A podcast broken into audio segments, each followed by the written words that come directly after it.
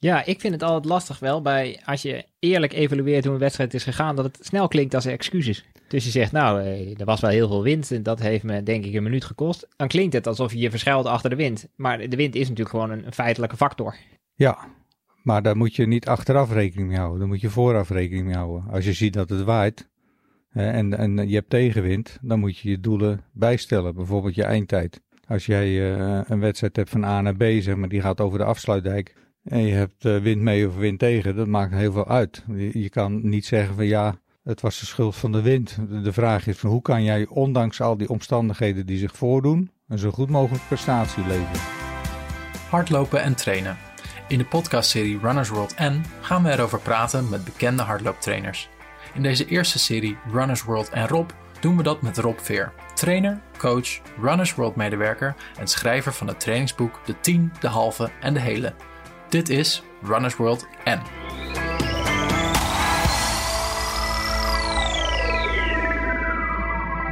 Rob, welkom bij deze vijfde en vooralsnog even laatste aflevering.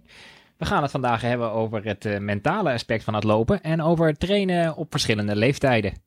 Maar eerst nog even over herstel, want vorige week hadden we het over wedstrijden en het herstelaspect, dat, dat zijn we eigenlijk een beetje vergeten. Ja, dat eh, overkomt atleten ook wel eens. Dat ze een heel erg eh, mooi plan maken voor een wedstrijd en dat houdt dan op bij de finish. En eh, dat is jammer, want het leven gaat daarna in de meeste gevallen gewoon door. En eh, je, je kan een aantal dingen doen om te zorgen dat je toch wel weer sneller herstelt van die wedstrijd, van je inspanning. En ook als je dat zou willen, de training weer wat sneller op kan pakken. En een van de dingen is dat je in ieder geval zorgt dat je geen kou vat. Dus op de een of andere manier moet je regelen dat je snel in droge, warme kleren kan schieten. En dat is zeker het geval als het natuurlijk eh, in de herfst of in de winter is. Of in eh, de zomer zoals we die af en toe hebben. Ja, en, maar en dan in de weken daarna? In de weken daarna bepaalt eh, bijvoorbeeld als je een half uur, binnen een half uur na de wedstrijd de koolhydraten inneemt, dan herstel je ook het herstel mee. Dus dat is ook iets om aan te denken. Eh, je, je, kan- je kan wat in je tas stoppen, een paar bananen, jelletjes. Eh, het maakt, maakt op zich niet veel uit wat voor koolhydraten het zijn, als het maar koolhydraten zijn. En je kan ook eh, iemand eh, die aan de finish op je wacht wat dingen meegeven dat je gaat eten. Niet iedereen heeft evenveel trek na een wedstrijd. Maar dan moet je dan toch maar even doorheen bijten. En eh, proberen of je dat toch nog wat naar binnen kan krijgen. En ben jij voor uitlopen na een wedstrijd? Eh, nee, niet per se. Niet per se. Zeker niet als je na die wedstrijd eh, geen dingen op korte termijn moet doen. Waardoor je het herstel extra zou moeten versnellen. Dus ik denk, ja, je hebt gefinished en geeft het lichaam maar de ruimte. Dat herstelt zich, hers- herstelt zich vanzelf wel. Ja. Zoveel mogelijk. Nou herinner ik me sowieso dat je, dat je op uitlopen niet bijzonder happig was, toch? Wij deden wel eens versnellingen na afloop, maar niet zo snel eh, nog even 20 minuten. Nee, nee het, is, het is ook niet echt aangetoond dat het eh, zinvol is of zo. Behalve dan dat je trainingstijd toevoegt. Je, je maakt de training eh, op zich een beetje langer. Als je een kwartier inloopt en een kwartier uitloopt, heb je toch weer een half uur te pakken. Ja. En doe je dat drie keer in de week, dan heb je alle, anderhalf uur training binnen. Maar echt functioneel, zeg maar, in het kader van herstellen van die training, zie ik het niet zo eh, nodig. Nee. En die versnellingen die kunnen nog wel iets toevoegen. Een soort prikkel die je anders niet krijgt. Bijvoorbeeld aan het eind van een lange duurloop. Ja, daar ben ik toch wel- voorstander van. Ook omdat het je motoriek, eh, het zet je toch even aan om iets anders te lopen dan, dan je anderhalf uur ervoor hebt gedaan. Dus je wordt een beetje sprankelender van eh, die versnellingen. En het zet de doorbloeding nog even goed op gang. En ik denk dat dat wel ten goede komt van het herstel. Ja, want zelfs in duurlopen schreef je wel eens eh tien passen wat harder voor, toch? Ja, ik hou er wel van om eh, daar wat eh, dingen in te brengen. Bijvoorbeeld elke, elk kwartier één minuut wat sneller. En sneller is dan, dan ga je af op je gevoel. Dat kan een heel klein beetje sneller zijn. Maar als je het leuk vindt of je hebt goede benen, dan kan dat heel veel sneller zijn. En daarna pak je het tempo weer op van de duurloop waar je mee bezig was. En dat houdt je benen dan vers? Of dat, dat helpt je dan mentaal? Of, of allebei? Ja, ik denk ook dat het iets toevoegt aan de duurloop. Dus dat je beter wordt van een duurloop met die varianten erin dan een duurloop eh, zonder die varianten. En het komt ook een beetje overeen met de realiteit. Van je loopt zelden een wedstrijd heel, uh, op een heel vlak tempo. Soms moet je een viaduct over. Dan loop je niet zozeer sneller, maar het is dan wel intensiever voor je. Nou, als je dan die ademhaling uh, daardoor uh, omhoog jaagt, dan weet je ook dat je daarna, als je wat rustiger doet, dat het weer snel normaliseert. En als je, ja, hoe vaak je dat doet, des te beter je lichaam dat kan. Ja, dan uh, gaan we langzaam naar het hoofdonderwerp van vandaag. Het mentale aspect. Het is niet het eerste waar ik aan denk bij hardlopen, maar het is natuurlijk wel een belangrijk onderdeel. Ja, ik was ook behoorlijk zenuwachtig uh, toen ik hoorde dat dit aan bod kwam. maar ik heb al mijn mentale trucs uit de kast gehaald om er proberen het beste van te maken. Het is je dus, niet uh, af te zien, zeg ik. Oké, okay. nou dat is al het eerste gewin. ik hoop dat het ook uit de antwoorden blijkt. Ja, dus zeker de mentale kant uh, lopen. Je ziet van die quote van uh, sporters die zeggen dan ja, dat is uh, 50% mentaal en 50% fysiek. En sommige mensen vinden het zelfs 90% mentaal. Het is in ieder geval een belangrijke factor. Het kan bepalend zijn voor de prestatie, maar het, is vooral bepalend van hoe je je voelt en hoe je je verhoudt ten opzichte van je prestatie.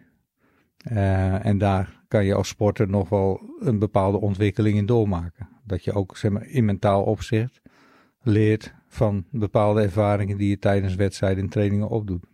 Ja, over die percentages gesproken. Ik hou me altijd bij een wedstrijd vast aan de beroemde quote van Woody Allen. Die zei, 90% of success is showing up. Dus als je er bent, dan, dan heb je eigenlijk al voor 90% gewonnen. Ja, dat is ook wel zo.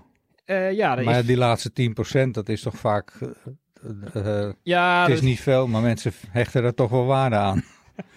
Of je in een uur finisht of in een uur en zes minuten, ja. Ja, dan kan je niet wegkomen met zeggen, ja, maar ik, was, ik stond toch aan de start. Nee, maar soms is dat wel degelijk het lastigste. Ja. En een goed resultaat bereiken is soms ook lastig. Nou, en dat begint al met uh, te definiëren wat voor jou een goed resultaat is. Dus als je een trainingstraject ingaat, het begint met uh, bedenken van wat is nou eigenlijk je doel? Wat wil je nou bereiken met deze trainingsperiode? En daar, uh, ja, daar, daar worden best nog wel fouten in gemaakt. Fout is misschien een groot woord, maar kijk, je kan doelen ook gebruiken. En dan moet je ze aan bepaalde, bepaalde voorwaarden laten voldoen. En dan kan je ook van goede doelen stellen, kan je beter worden. Um, je moet bijvoorbeeld doelen stellen waarvan je achteraf kan vaststellen of je ze gehaald hebt of niet. Dus als je zegt, nou, ik ga vanaf nu beter mijn best doen, dan is dat heel lastig te evalueren over twaalf weken. Als dan de trainer jou vraagt, en heb je beter je best gedaan? En waar kunnen we dat aan uh, aflezen? Je wil ze meetbaar maken, ook de mentale. Ze moeten meetbaar zijn, ja. Dat is uh, uh, een grote voorwaarde. Maar noem je een me meetbaar mentaal doel? Nou, ik, ik beschrijf doelen meer als mentale entiteit, zeg maar. En, en niet zozeer dat je mentale doelen opstelt. Dat kan natuurlijk ook, en dat moet je ook wel doen. Maar ik bedoelde nu meer dat je je sportieve doelen opstelt en dat je daar bepaalde voorwaarden aan verbindt. Ja. Omdat doelen ook een belangrijke rol spelen op het mentale gebied. Wat doe je bijvoorbeeld als je je doel niet haalt of als je je doel wel haalt? Dan kom je op het gebied van uh, wat we attributie noemen. Wat, wat jij voor jezelf verklaart waarom je je doel wel of niet gehaald hebt. Nou, en daar kan je al verschil tussen atleten zien. Er zijn atleten die als het goed gaat, dan vinden ze dat geluk, of dat komt dat door anderen. En als het slecht gaat, dan vinden ze dat ze zelf iets verkeerds hebben gedaan. Nou, je hebt ook atleten die doen het andersom. Als ze het goed doen, dan ligt het aan henzelf, omdat ze het uh, fantastisch gedaan hebben. En als het slecht gaat... Aan de trainer. Aan de trainer, of aan het weer, of aan de schoenen. In ieder geval aan iets externs.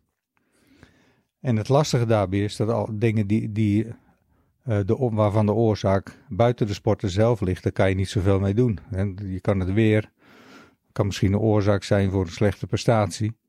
Maar daar kan je verder niet zoveel mee doen, behalve hopen dat het de volgende keer beter weer is. Dus je moet proberen die doelen zo te stellen dat je ze de volgende keer wel wat mee kan doen. Nou, en dan kom je eigenlijk altijd uit bij doelen die te maken hebben met de persoon zelf en de inzet uh, die die daarvoor wil leveren. Dat is wat je kan evalueren. En dat is ook waar je aan kan sturen. Zelf of met behulp van je trainer. Maar die inzet is dan bijvoorbeeld ook uh, in de laatste vier weken voor de wedstrijd heb je eigenlijk geen training meer afgemaakt?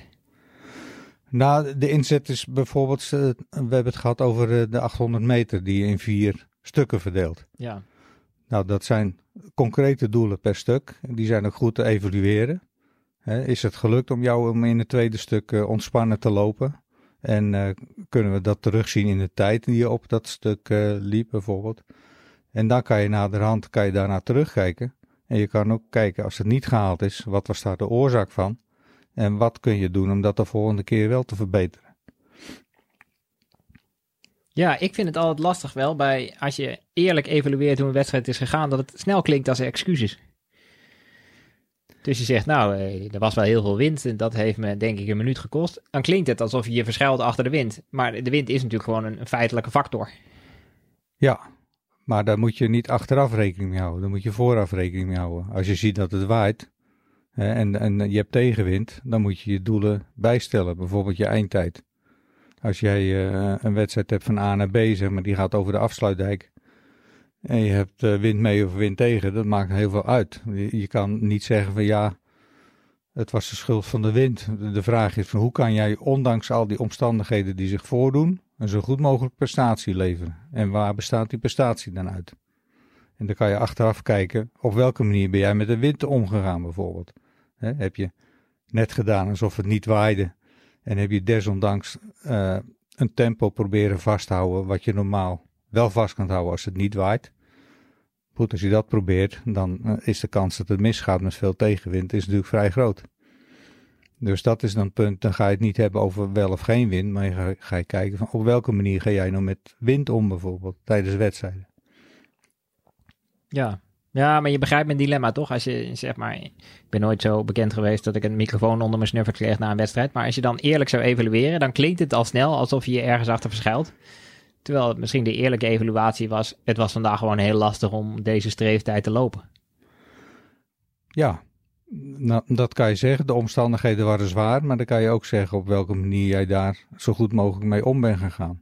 En dat Ja. iedereen er last van hebt. Dus eh, er zal niemand, zou je ook kwalijk nemen als je een wedstrijd met tegenwind hebt, dat je dan niet zo goed gepresteerd hebt als eh, een maand terug waarin je ideale omstandigheden had.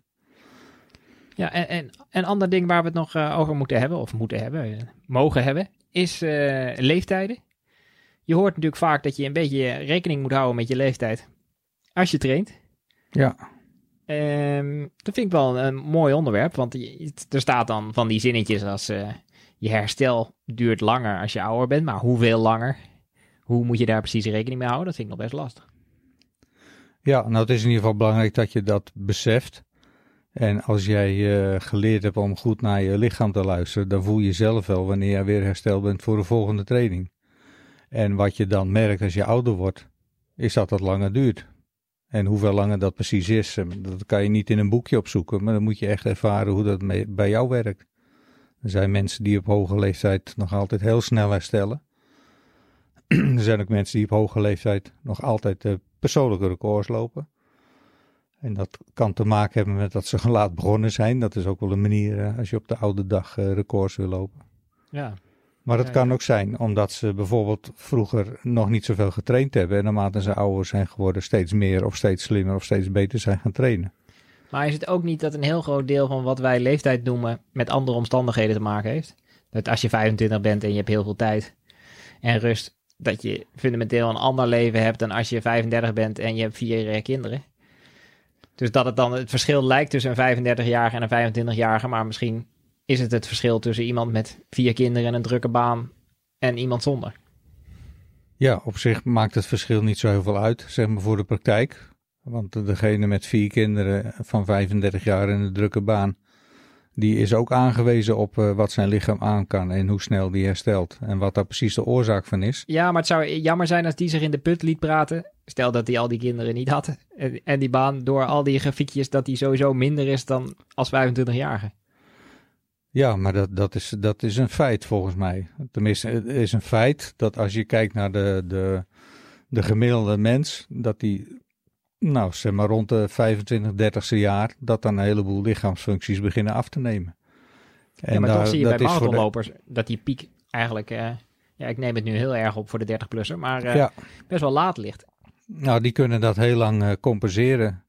die teloorgang, met een training, volgens mij. Dus je, ehm, ik, ik denk niet dat de verouderingsprocessen bij hun, eh, dat, dat die niet intreden of zo. Dat is toch, vrij, toch wel, eh, ja, rond die leeftijd begint dat de aftakeling, zou je kunnen zeggen. Dus als je ideaal traint, nooit fouten maakt, dan zou je op je 25ste beter moeten zijn dan op je 35ste. Eigenlijk is er iets fout gegaan als je op je 35ste beter bent. Nee, dat, dat zeg ik niet. Het- als je, stel dat je niks, eh, of stel dat je drie keer in de week zou sporten, en je zou drie keer in de week zo'n beetje dezelfde training doen, dan merk je dat je tot je 27, 30ste, 25, 37 ste Ja. ga je daar Ja, je nog op vooruit. Ja, is dat voldoende, dat je, voldoende om beter te worden? Op een gegeven moment krijg je een plafond, dan verbeter je niet meer van die trainingen. En daarna, ook als je die trainingen blijft doen, dan zak je niveau. Dus dan ga je minder snel lopen, je wedstrijden worden slechter. En dan kan je vier keer in de week gaan trainen of vijf keer in de week gaan trainen. En je kan met harder en meer trainen, kan je dat proces vertragen zou je kunnen zeggen, of compenseren. Dus dat je door, door het trainen van bepaalde fysieke kwaliteiten eh, de teruggang eh, wegstreept. Maar onherroepelijk is er een moment dat dat niet meer lukt. Maar is het ook niet zo, er is natuurlijk de theorie dat je iets 10.000 uur moet doen voordat je het goed kan. Dus dat je op je 35e veel meer kilometers hebt om op te teren, waardoor je een betere basis hebt dan als 25-jarige. Ja, Oké. Deze jaar zag ik niet aankomen. Maar eh, dat is dus de reden dat iemand als Kipchoge halverwege de 30 eigenlijk een wereldrecord loopt waar hij als eh, een 27-jarige nog niet aan toe kwam. Ja ik denk dat ervaring daar ook een rol mee speelt. Van, je, je hoeft Kipchoge niks meer wijs te maken over de marathon. En misschien dat hij eh, op, op- vroeger daar nog fouten in maakte. Met verdelen van zijn Ja. krachten bijvoorbeeld. ah, hij lachte misschien wat minder onderweg. Dat is, Hij had ook andere schoenen trouwens. Maar... andere schoenen. Ja, dan ja je, daarmee hou je het oude verouderingsproces niet tegen. Zeg maar, maar je compenseert het wel weer door de prestatie wat gemakkelijker te maken. Maar Mhm. hoe eh, ga jij er praktisch mee om in je schema's? Maak jij een fundamenteel ander schema voor een 50-jarige die, eh, die drie uur wil lopen dan voor een 70-jarige die drie uur wil lopen? Of vier uur? Ja, daar ben, ben ik wel, eh, sta ik wel anders in, ja. Ik hou wel rekening mee met dat verschil in hersteltijd. Daar maak je toch wel een schatting van, ook al weet je het niet precies. Dat met name bij intensieve trainingen, eh intervaltraining of zo, dat je daar nog meer hersteltijd voor inruimt dan eh, anders.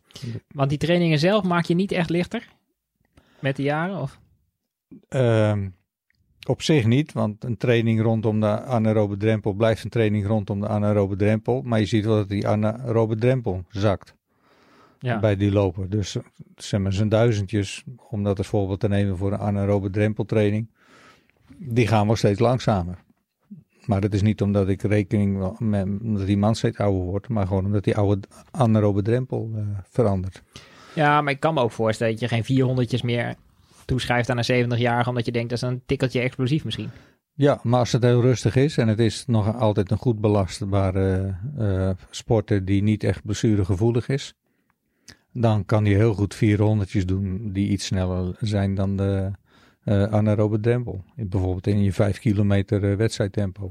Maar sprintjes of zo zal ik eh, niet meer in zo'n schema zetten. Want wat je wel ook vaak hoort, is dat, dat je meer kracht moet doen als je ouder wordt. Ja, dat wordt sowieso aanbevolen door de gezondheidsraad hè, voor iedereen om twee keer in de week aan eh, krachtoefeningen te doen. En dat geldt zeker voor ouderen. Voor ouderen gaat het advies zelfs naar drie keer, om drie keer in de week eh, krachtoefeningen te doen. Dat heeft ook te maken met, eh, ja, je, je botten worden ook minder, worden brozer. En van krachttraining vertraag je dat proces. Dus je, je houdt je botten daar een stuk sterker mee.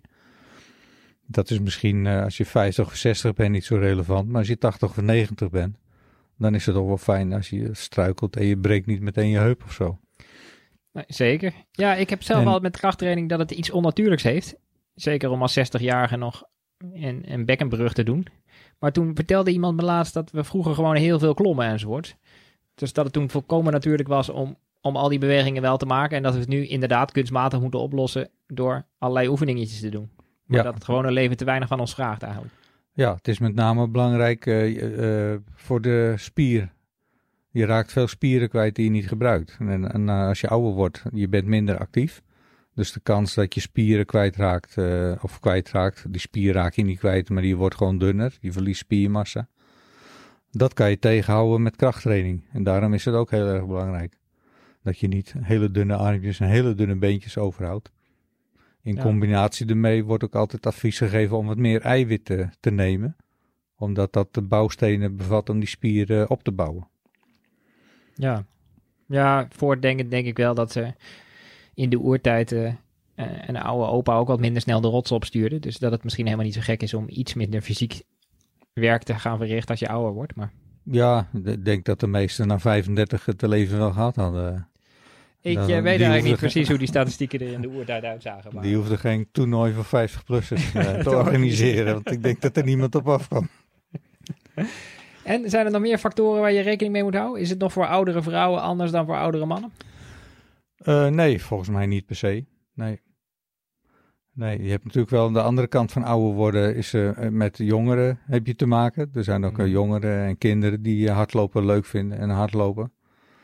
Nou, meestal, zolang er geen druk op de ketel zit van bijvoorbeeld ouders of trainers, dan doen, doen die atleten, die weten meestal zelf hoe ze dat moeten doseren. Uh, je moet rekening houden met de groeispurt. Dan zijn die kinderen minder belastbaar.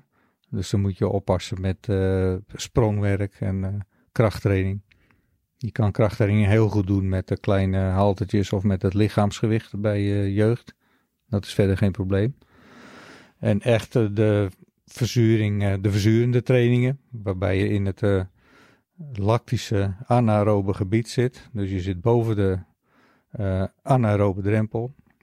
Uh, waarbij je echt uh, voelt dat de spieren gaan verzuren. Dat zijn trainingen die moet je eigenlijk bewaren voor na de puberteit. Want dan kan het lichaam dat ook echt aan en daar ook beter van worden. Want de kinderen komen daar uit zichzelf wel eens, toch? Als ze gaan voetballen of zo. Is het best mogelijk dat ze zo hard sprinten dat, dat ze dat niet heel lang kunnen volhouden. Ja, nou, op, op, zich kunnen ze dat wel. Maar het zijn trainingen waar ze op dat moment niet beter van worden. Om, omdat het, uh, ja, ze hebben het materiaal zeg maar, de, de, de enzymen die met dat melkzuur aan de gang moeten ontbreken. Dus uh, dat lichaam weet niet hoe, hoe die dat om moet zetten in. Uh, uh, de, er komt ook geen gat in de dijk, zeg maar, van zo'n nee. training. Dus. Nee, en het belangrijkste bij kinderen is vooral dus dat ze die bewegingsvaardigheden opdoen, toch? Waar iedereen nu zo bang voor is dat we kinderen opvoeden die met bewegingsarmoede, die gewoon niet precies weten hoe ze hun lichaam aansturen.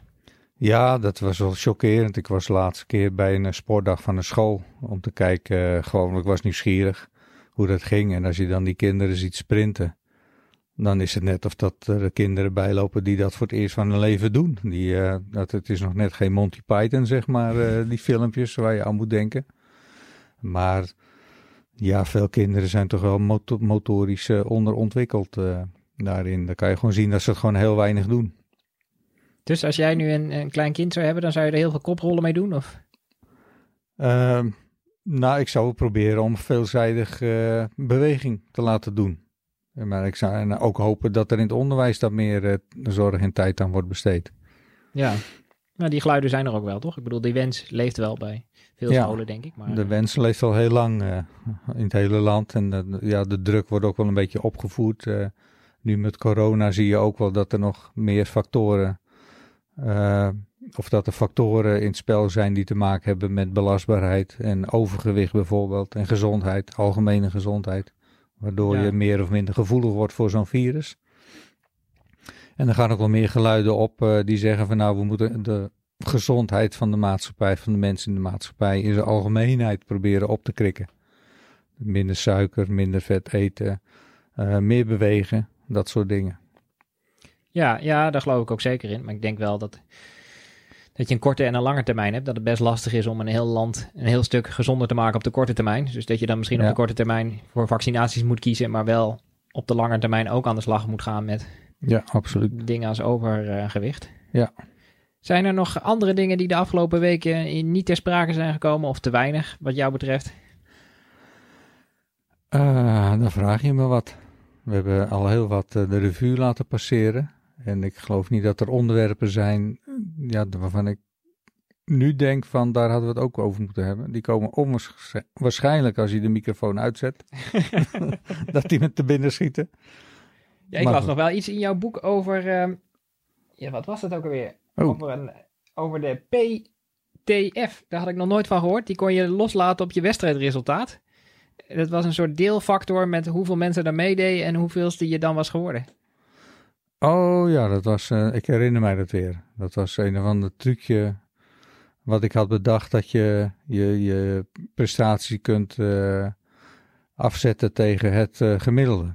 Ja, eigenlijk de- zie je dat ook wel bij uitslagen NL vaak, toch? Dan zie je zo'n poppetje staan bij waar je ongeveer in het veld zat. Ja. Maar zou je Ja. atleten aanraden om daar naar te kijken? Of is, want je moet uit, jezelf het- uitgaan. Het, is zo. een aardigheidje. Je, je hebt ook zo'n, eh, net zo'n aardigheidje als bijvoorbeeld de, de, de, wat de age grade eh, calculator heet. Ja, En eh, we hadden het net over ouder worden en hoe die prestaties dan afnemen. Nou, je, je kan, dat, dat is een bepaalde dalende lijn natuurlijk.